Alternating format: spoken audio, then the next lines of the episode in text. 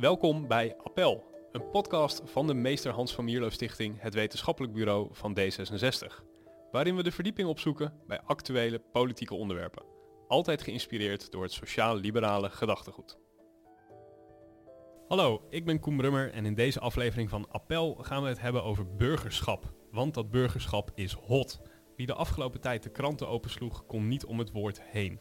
Het zou een middel zijn tegen gebrekkige sociale cohesie in Nederland, tegen radicalisering en extremisme. En het zou kunnen zorgen voor meer kennis bij jonge mensen van democratie en rechtsstaat. Allemaal heel erg belangrijk dus. Bij mij aan tafel om het hierover te hebben Willemijn Rinoy Kan, promovenda aan de Universiteit van Amsterdam, waar ze onderzoek doet naar scholen als oefenterrein voor samenleven en daarmee dus een expert is op het gebied van burgerschap. En wetenschappelijk medewerker van onze eigen Van Mierlo Stichting, Daniel Boomsma, die de afgelopen tijd onderzoek deed naar burgerschap. En het resultaat daarvan kunnen we binnenkort tegemoet zien in de vorm van een essay. Beide van, hartelijk wel, van harte welkom. Ehm, Willemijn, om bij jou te beginnen. Burgerschap wordt dus vaak uh, genoemd in het publieke debat. Alleen het is ook een soort containerbegrip. Hè? Heel veel mensen verstaan er iets anders onder. Um, nou, laten we niet te lang blijven hangen in een soort definitiekwestie. Maar wat versta jij nou onder burgerschap? Nou, als we het over burgerschap hebben en het over definities van burgerschap hebben, komen we gauw uit bij een soort klassieke categorieën. Bijvoorbeeld over politieke rechten, burgerrechten, sociale rechten hebben we het dan. Misschien nog culturele rechten, dat staat dan nu een beetje ter discussie.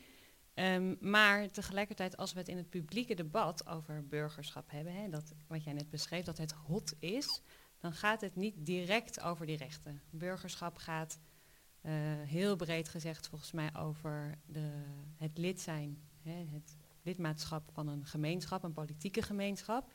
Maar als we het over burgerschap in het publieke debat hebben, dan hebben we het al gauw over een tekort aan burgerschap. En dat tekort dat ligt dan bij anderen over het algemeen.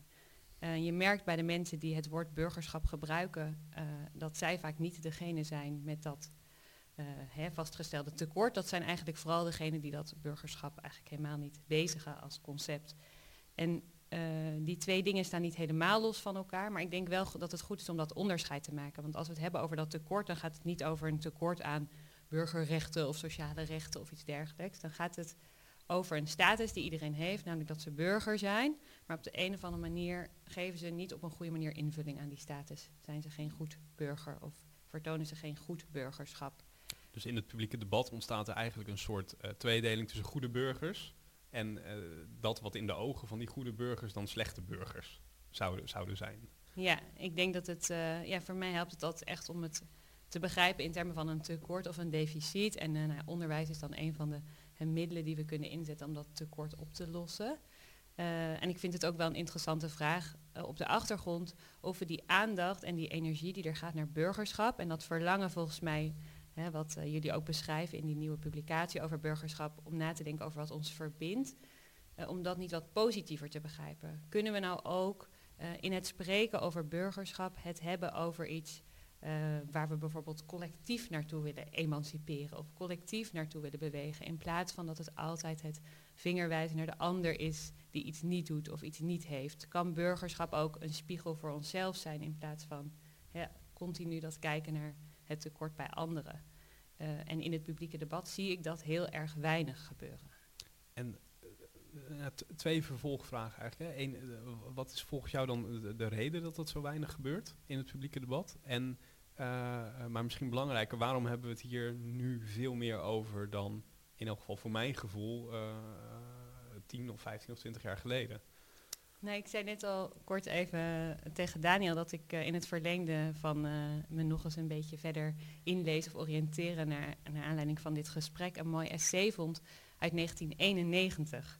En daar, dat begon met zoiets als burgerschap is overal. We hebben het continu over burgerschap. burgerschap, uh, congressen, schiet uit de grond. Nou, dus dat idee dat het echt een heel recent iets is, ook al herken ik dat gevoel wel, dat valt dus wel mee. Uh, en in dat essay van Ido de Haan uh, beschreef hij heel mooi dat burgerschap eigenlijk wordt ingezet als een soort lachspiegel. En dat vond ik wel een mooi, mooie manier om het te begrijpen. En dat gaat ook heel erg over dat afwenden van verantwoordelijkheid.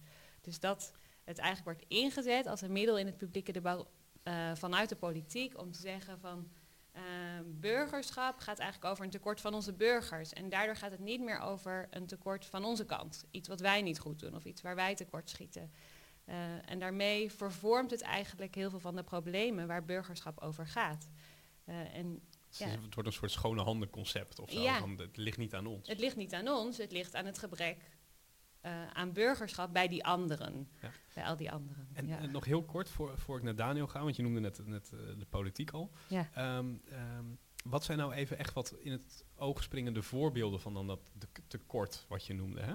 Uh, wat zijn dan die dingen waar die politici van zeggen, nou liever, uh, hè, dat ligt niet aan ons, dat ligt aan de burger of het tekort aan burgerschap?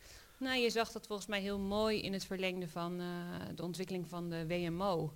Uh, en wetmaatschappelijke ondersteuning. Ja, de wetmaatschappelijke ondersteuning waarbij het woord actief burgerschap continu werd ingezet. En actief burgerschap, dat zou daar moeten uh, toe moeten leiden dat de overheid eigenlijk zich meer zou kunnen terugtrekken. En dan zou er meer hè, taken zouden eigenlijk naar lokale overheden, maar ook naar burgers gaan.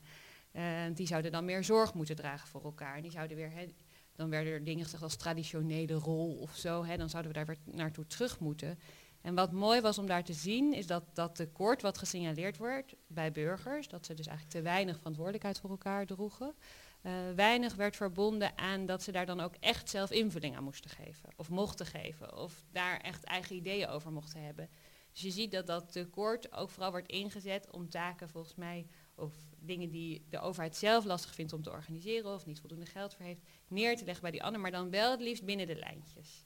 En dat zie je eigenlijk ook in het verlengde van die discussie over de rol van onderwijs. Maar daar hebben we het denk ik straks nog. Zo meteen nog over. Mooi. Daniel, jij hebt net uh, uh, een flink aantal maanden onderzoek gedaan naar burgerschap. Natuurlijk ook vooral vanuit een politieke context. herken jij een paar van de gedachten die Willemijn beschrijft? Ja, eigenlijk wel bijna allemaal. En ik kan ook een deel ervan onderschrijven, denk ik. In ieder geval die eh, de kwestie van ehm, wanneer het echt uh, terugkwam in het publieke debat, dat denk ik dat die inderdaad uh, voor het gevoel van mensen misschien echt recent is. het komt in het huidige regeerakkoord bijvoorbeeld, nou, tig keer voor, meer dan het woord democratie trouwens. Een, burgerschapsopdracht of iets dergelijks staat er staat daarin. Um, wat is dat volgens jou, om even de, in te breken? Ja, nou, volgens het is een, wettelijke plicht voor, dan gaat het over onderwijs, dus ook weer omdat politieke en dat onderwijsdeel af te bakenen. Oh, het is wettelijk vastgelegd dat scholen een burgerschapsopdracht hebben. Sinds 2006 is dat verplicht en dat betekent dat het burgerschap ook moet worden aangeboden in het, in het curriculum, of in ieder geval moet worden vormgegeven. Um, en de tweede vraag, ja, wat ik ervan vind, is dat is natuurlijk de kwestie, wat is dat, dan ga je terug tot de definitiekwestie, wat is burgerschap precies? Uh, waar Willemijn net al wat over zei. Uh, ik denk dat er enorm veel verwarring over is. Uh, ik wil straks nog wel wat zeggen over waarom het terug is in het publieke debat. Maar de verwarring erover heeft vooral te maken met het feit dat die basisvraag, um, of in ieder geval de basis van wat het betekent, namelijk deel uitmaken van een politieke gemeenschap, dat daar weinig overeenstemming over is, wat dat precies betekent. Um, doorgaans worden, wordt burgerschap ook wel, nou ja, het wordt normatief of juridisch uh, gedefinieerd. Dus juridisch kan je het heel kan plat slaan. Uh, je kan zeggen het is een formele verhouding. En die is, duidt dan aan de relatie burger-staat. Je kan hem ook sociaal of normatief, sociaal kom je ook nog wel eens tegen in de literatuur, uh, definiëren. En dan wordt het echt, wat is goed burgerschap? wat Willemijn net zei, dan worden er eisen gesteld. Eh, dan bestaat er zoiets als een, uh, als een slechte burger ook. Iemand die iets nalaat of, uh, of zelfs iets doet. Bijvoorbeeld wat je nu vaak ziet in, in de discussie is, is nou ja, extreme opvattingen of radicalisering. Um, maar ik had voor dit gesprek ook nog even een debat in de Tweede Kamer opgezocht. Om even weer terug naar die politiek te gaan. Um, en de definities van burgerschap tuimelen daar werkelijk over elkaar heen. Het ging over een, een 30 leden debat. Denk had het over um, je plichten nakomen en je rechten opeisen. Dat was hun definitie. De PvdA had het over seksualiteit en diversiteit. De PVV had het over culturele tradities. Uh, de VVD had het over normaal doen. Uh, nou ja, daar kan je ook van afvragen of dat echt een definitie is. Maar in ieder geval waren er, uh, waren er, is, er is nogal wat spraakverwarring over. Omdat de basisvraag, inderdaad het lid zijn van een politieke gemeenschap... Um, nou ja, zelden aan de orde komt, in ieder geval niet een gemeenschappelijk vertrekpunt is. En dat is wat we in, onze, in ons essay ook schrijven, eh, wat burgers onderling bindt en tot een politieke gemeenschap maakt, of hen daar lid van, uh, dat ze het gevoel hebben daar lid van te zijn. Dat is de basis. Want in jouw onderzoek ehm, kom je ook uit op, op, op een soort op drie varianten eigenlijk. Hè? Uh, links heeft een bepaalde opvatting van, van wat het is om een burger te zijn. rechts en vervolgens formuleer je ook een, een sociaal-liberaal concept van burgerschap. Ja, ja het was een, een, beetje aan de hand van werkwoorden om er, om er wat helderheid in te scheppen. Ehm, je, kan, je, zou het kunnen, eh, je zou een opvatting van burgerschap kunnen duiden aan de hand van een, een zijn, een hebben en een doen. Sociaal-liberaal in, ons, uh, in onze uh, definitie betekent, is dan eigenlijk sociaal-liberaal burgerschap is vooral een praktijk. Dus dat wil zeggen dat het iets is wat burgers zelf vormgeven. Het is ook niet iets wat je oplegt of kunt, in die zin kunt definiëren van bovenaf en daarmee kan zeggen, van, nou u bent een goede burger en u niet. Dus het is echt een praktijk. Sluit ook wel aan bij wat in de literatuur dan uh, een beetje, nou ja, een beetje platgeslagen wellicht, maar wat in de literatuur republikeins burgerschap wordt genoemd. Is een opvatting die uitgaat van, van zelfbestuur, burgers die uh, deelnemen aan, uh, aan het publieke leven. Eh, en daarmee hun vrijheid zelf vormgeven. Dus echt eh, iets, burgerschap is eigenlijk wat burgers doen, heel kort gezegd. Uh, en wij zeggen dat eigenlijk ook, dat burgerschap in principe een praktijk is, niet een zijn, dus niet per se een, een, identiteitskwestie, wat je ook heel vaak in het debat ziet, terugkomen. Um, en niet alleen een hebben, omdat dat, nou ja, daar neigt, daar dreigt ook wel een soort heel dunne opvatting die, alleen maar formeel juridisch is. En dat is vinden wij te hebben bedoel je het hebben van bepaalde rechten? Of ja, dus de, inderdaad het hebben van, van rechten die, die ook afdwingbaar zijn en ontkennen niet het belang daarvan, want uh, die hebben mensen gelukkig en het is ook goed dat ze hier zijn. Maar, uh, en dat vind ik wat Willemijn, wat Willemijn net zei, ook een streven, dat, dat maakt uh, een doen, maakt het ook mogelijk om, om burgerschap te zien als iets wat je gezamenlijk aan het vormgeven bent. Nu en in de toekomst. En niet iets dat, dat je verkrijgt of waar je op een gegeven moment van kan zeggen, nou, ik, ik ben burger en daarmee is de kous af. Dus daar, daar ben ik heel erg eens met wat, wat Willemijn uh, net zei. Dat is eigenlijk een vrij brede interpretatie dan. Hè? En uh, Willemijn, je, je, schreef recent een stuk voor sociale vraagstukken. Uh, en toen verweet je eigenlijk CDA en VVD een hele smalle interpretatie van, van burgerschap.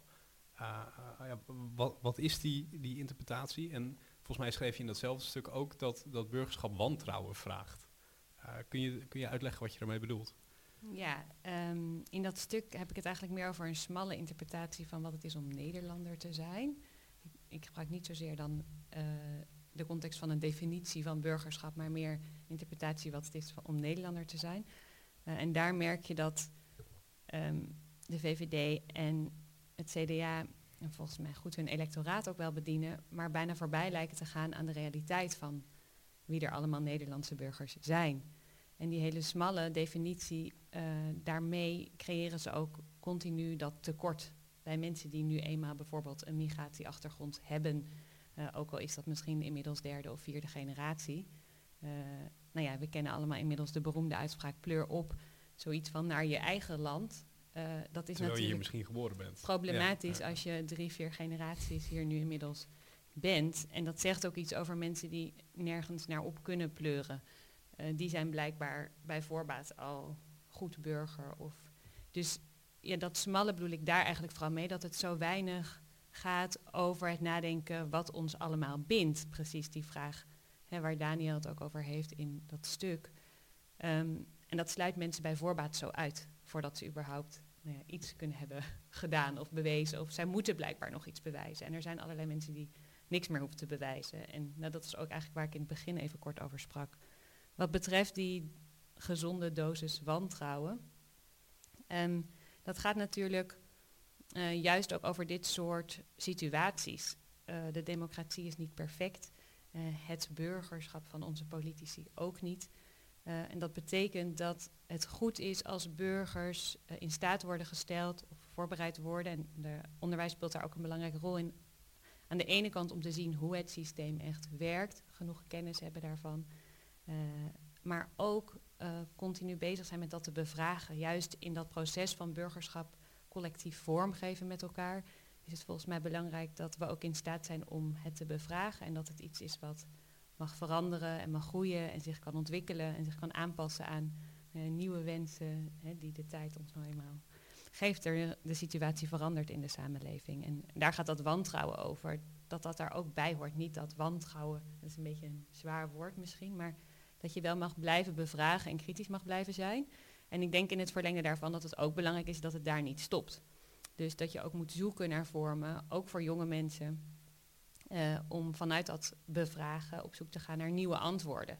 En daar moeten we dan natuurlijk ook ruimte voor maken met elkaar. Dat het niet alleen maar is van het werkt zo niet, maar hoe dan wel. Ja. Uh, dus die combinatie is wel belangrijk bij wantrouwen, dat het daar niet eindigt. Ja. En dan, dan maak je eigenlijk natuurlijk al een soort stapje naar, naar het onderwijs, hè, als je het hebt over jonge mensen.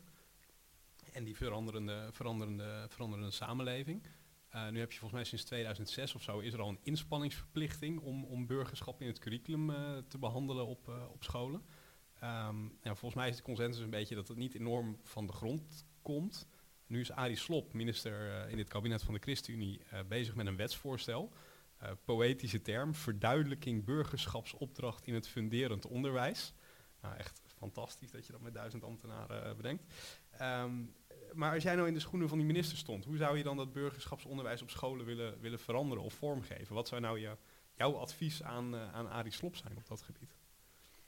Ja, in Nederland is er natuurlijk grote vrijheid überhaupt om onderwijs vorm te geven. En zeker rondom vraagstukken die te maken hebben soms met dingen die ook raken aan dat burgerschapsonderwijs. Hè. Daar lopen we dan elke keer tegenaan. Oh, daar komt artikel 23 weer tevoorschijn. De vrijheid van onderwijs. de vrijheid van onderwijs. En dat maakt het ook wel heel moeilijk in de Nederlandse context om hele strakke of strenge eisen of iets van een nationaal curriculum of een nationaal verhaal daarover te ontwikkelen. Omdat uh, er nou eenmaal vrijheid is voor scholen om dat voor een deel vanuit hun eigen levensbeschouwelijke achtergrond of ideologische achtergrond vorm te geven.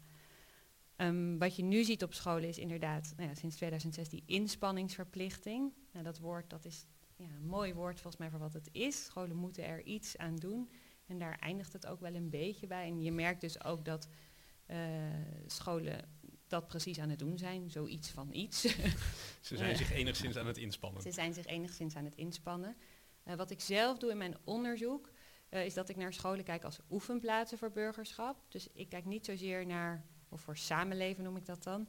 Uh, ik kijk niet zozeer naar uh, wat voor programma's er speciaal ontwikkeld zijn, bijvoorbeeld in het verlengde van die verplichtingen rondom burgerschapsvorming. Maar ik kijk eigenlijk naar scholen als een soort kleine gemeenschap. En ik ben dan vooral benieuwd wat daar wordt voorgeleefd. En dat gebeurt voor een deel ook onbewust. Maar mijn idee is dat leerlingen, hoe dan ook, ook als we het niet burgerschapsvorming noemen of een inspanningsverplichting noemen, uh, dat daar wordt geoefend met samenleven op een school.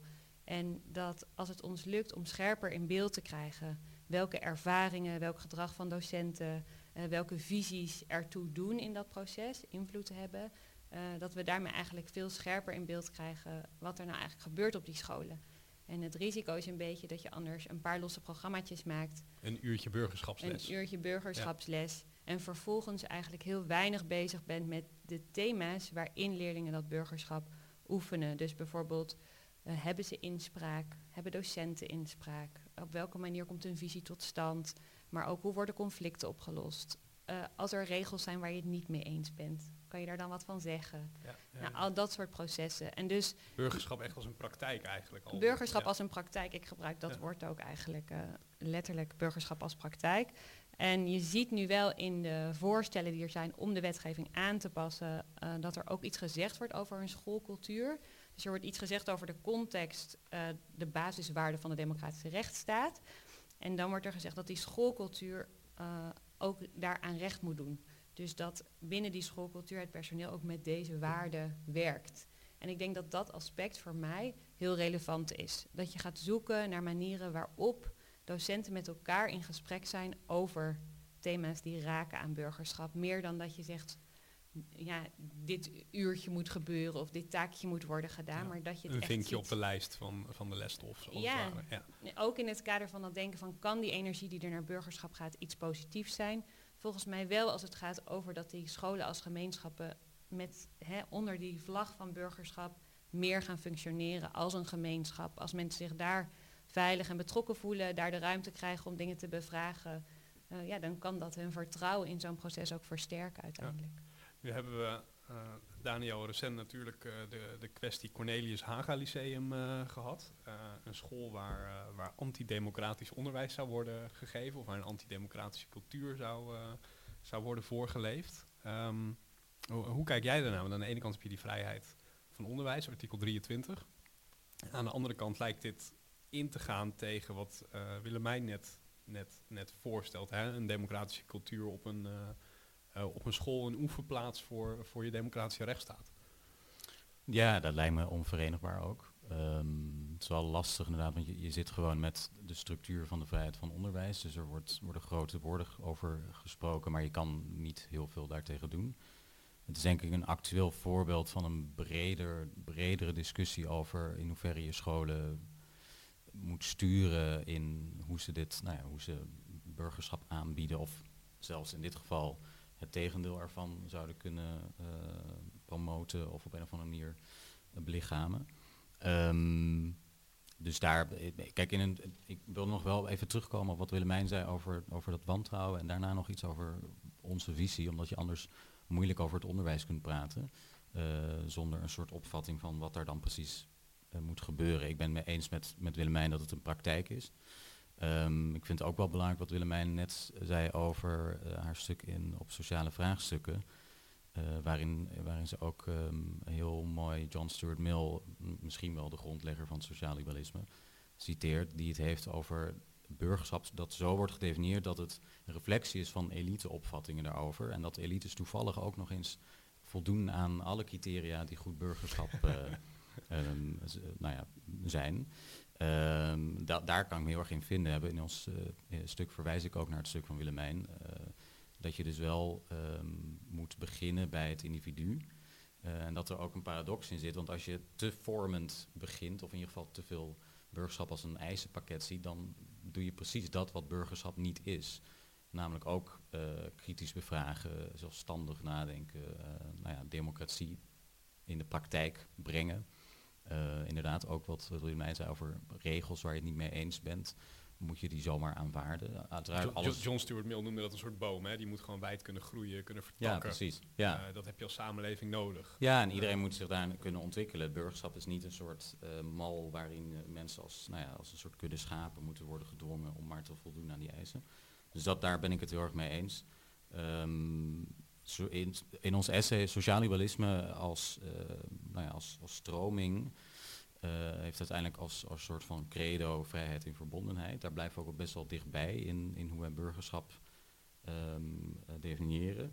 En wij zeggen eigenlijk dat vrijheid wederkerigheid nodig heeft. Dus dat is een, een vrij dun pad, zou je kunnen zeggen. Je, Willemijn had het net over nou ja, een brede of een of smalle opvatting van burgerschap. Die van ons, zou je kunnen zeggen, is in zekere zin smal.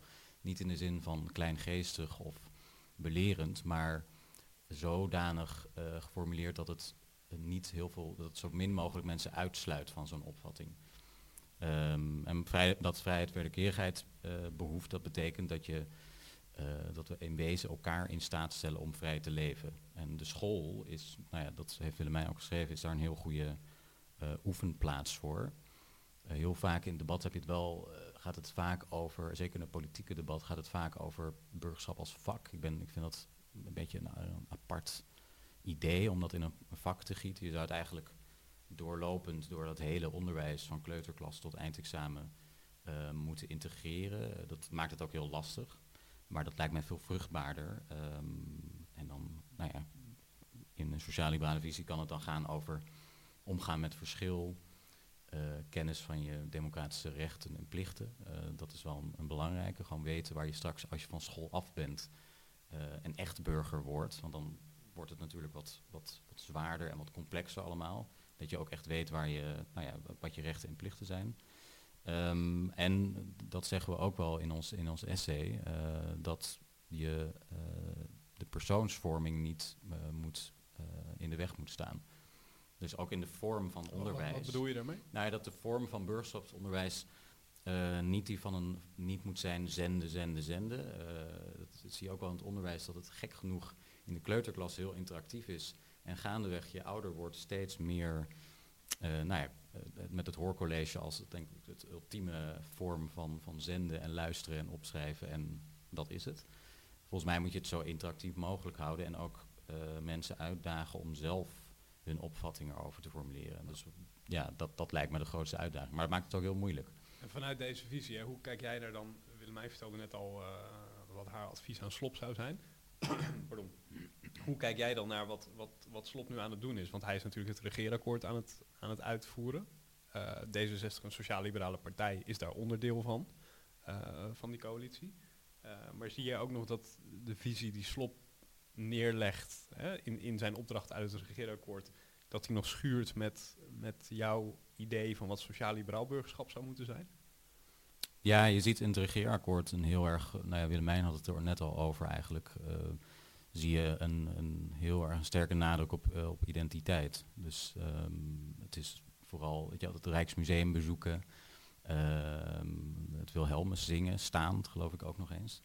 Um, daar moet je eigenlijk, dat, dat schuurt wel met onze opvatting. We hebben helemaal niet zo'n eh, een identitaire impuls of zo, dat we burgerschap definiëren als, uh, als het, het, het, accepteren van, uh, van een bepaalde identiteit. Dat is een andere discussie, je, dus daar schuurt het absoluut. Je zegt eigenlijk daar Buma gewoon, uh, Buma heeft zijn zin gekregen op dat punt. En, en we ja. zitten die smalle burgerschapsopvatting waar, zo gaat het meestal waar Willemijn het net over had. Ja, met regeerakkoorden gaat het meestal ook wel zo dat, je, dat het, het kan een uitruil dreigen te worden. En hier hebben wij duidelijk is het duidelijk meer die kant op gegaan van VVD-CDA-opvatting, denk ik. En wat je dan in de literatuur communitaristisch, misschien zelfs met een nationalistische saus erover uh, hebt. Maar uh, Bram Eithoff heeft een boekje geschreven dat heet Het Wilhelmus voorbij. Nou ja, dat, die titel kan me geheel in vinden.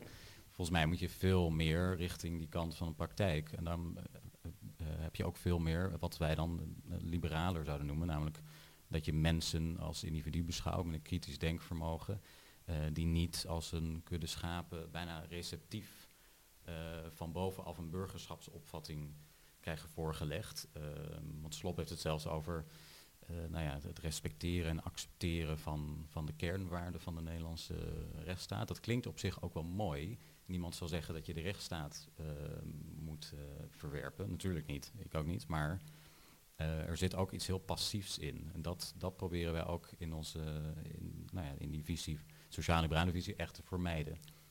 Ben, je, ben jij het daarmee eens, Willemijn? Als Daniel dat zegt van, ja, als je nu kijkt naar dat regeerakkoord en naar die accenten die Slop zet, uh, dat, dat is toch nog wel een beetje uh, Rijksmuseumbezoek en Wilhelmus. Ja, dat doet niet echt recht aan die praktijk die, die ik voorsta in mijn onderzoek. Ja, het is zo lastig, want je hebt uh, een realiteit en je beschreef ook net al zijn opdracht. Je hebt een realiteit die op papier bestaat in beleidsstukken. En je hebt een realiteit op scholen zelf. En je ziet nu uh, met de huidige wetgeving uit 2006 dat die wetgeving heel veel vrijheid geeft aan scholen. En in het verlengde van dat artikel 23, die onderwijsvrijheid, zal die vrijheid voor scholen toch ook wel voor een groot deel gewaarborgd blijven.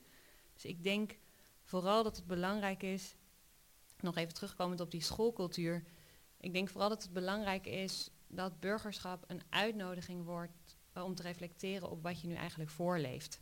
Uh, en dat geldt ook voor politici, uh, maar dat geldt ook binnen scholen zelf. En ik denk dat in het verlengde daarvan, hè, door die schoolcultuur wel expliciet te noemen, en je ziet ook uit onderzoek naar burgerschap, op welke manier dat dan ook in kaart wordt gebracht, maar dat zoiets als een open klasklimaat of een open schoolklimaat, waarin dingen besproken en bevraagd kunnen worden, eigenlijk altijd positief bijdraagt. Daar zijn we het eigenlijk allemaal weer over eens.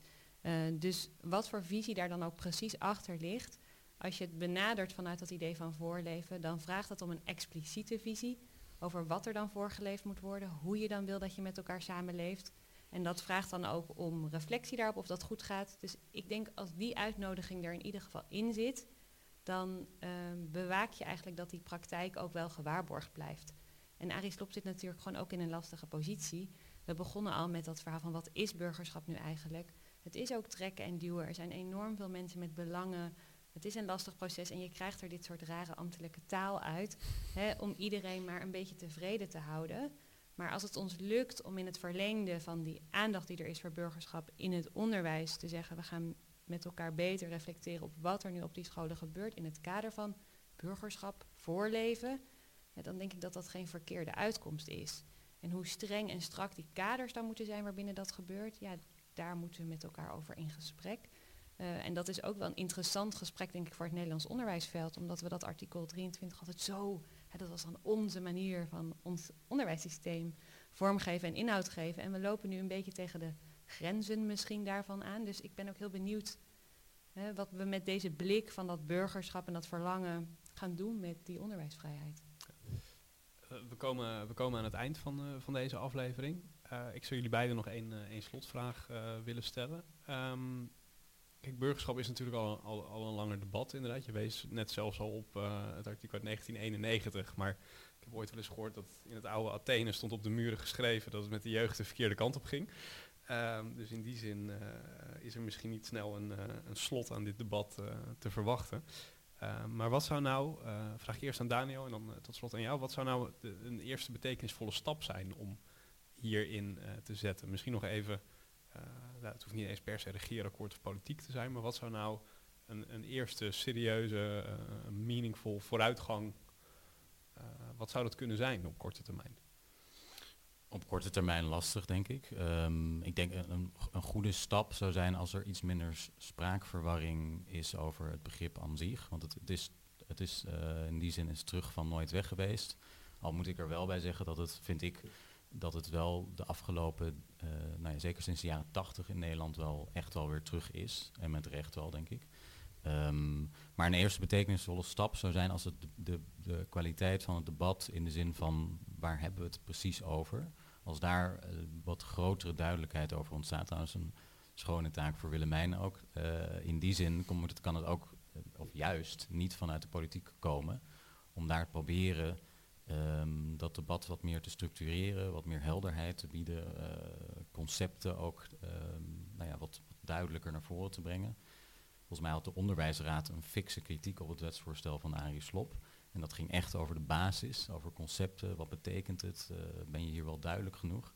Dus dat is op, op, de, op de relatief korte termijn zou dat grote winst zijn. Uh, en daarna ook politieke partijen. Dan zit je toch weer uh, meer in het politieke sfeer.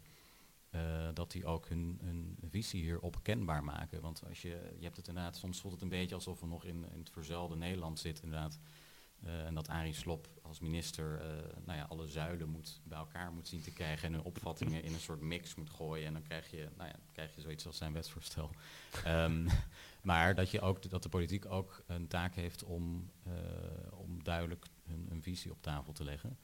het wetenschappelijk bureau van de VVD heeft een boekje geschreven dat heet Bezielend Verband. Dat is een basisgrammatica van het Nederlandse burgerschap. Dat is een poging ook daartoe nou ja, wij proberen hier vanuit het wetenschappelijk... daar hebben ook allerlei uh, ja, uh, echt oerliberalen als Ashwin Elian en zo aan meegewerkt, toch? Begreep ik?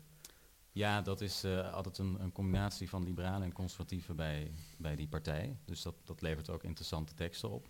Um, maar dat is een beetje, de, ja, dat is ook een, misschien een, niet alleen een taak van wetenschappelijke, wetenschappelijke bureaus, maar van partijen om kenbaar te maken wat het precies is wat ze bedoelen. En niet alleen impliciet of met, met losse voorstellen zoals het Rijksmuseum verplicht uh, bezoeken, of scholen verplichten dat te doen.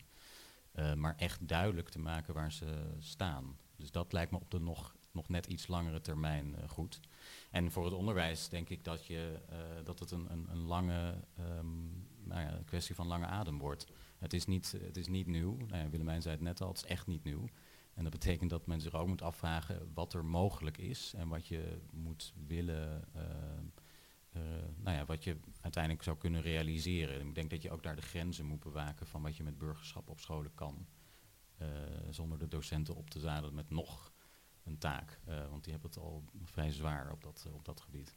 Oké, helder. Willemijn, je kwam hier voor een podcast. Daniel probeert je bijna naar huis te sturen met een, met een opdracht die de politiek overstijgt. aan jou de eerste, de, dezelfde vraag. Een betekenisvolle eerste stap. Nou, ik denk dat het belangrijk is, hè, burgerschap wordt nu ingezet als een oplossing voor alles. Hè, meer burgerschap vooral, of iets doen aan dat tekort. Uh, ik denk dat het belangrijk is dat we met elkaar gaan kijken naar voor welke problemen dat nu precies ingezet wordt als middel. He, zoiets als sociale cohesie hebben we het dan steeds over. Bijvoorbeeld, er is te weinig sociale cohesie en dus moeten we dan meer burgerschap. Maar als we nu burgerschappen zouden vervangen door dingen die echt gaan over sociale cohesie, waar hebben we het dan met elkaar over? En Als we echt meer sociale cohesie willen, wat is dat dan überhaupt? En wie is er nu precies verantwoordelijk in zo'n proces? En dat vind ik elke keer eigenlijk een heel belangrijke vraag die we kunnen koppelen aan dat inzetten van dat middel meer burgerschap is eigenlijk wijzen naar individuele burgers. Niet jezelf, meestal niet mensen die ook lijken op jou, maar individuele andere burgers. Dus als we daar nou eens mee zouden ophouden.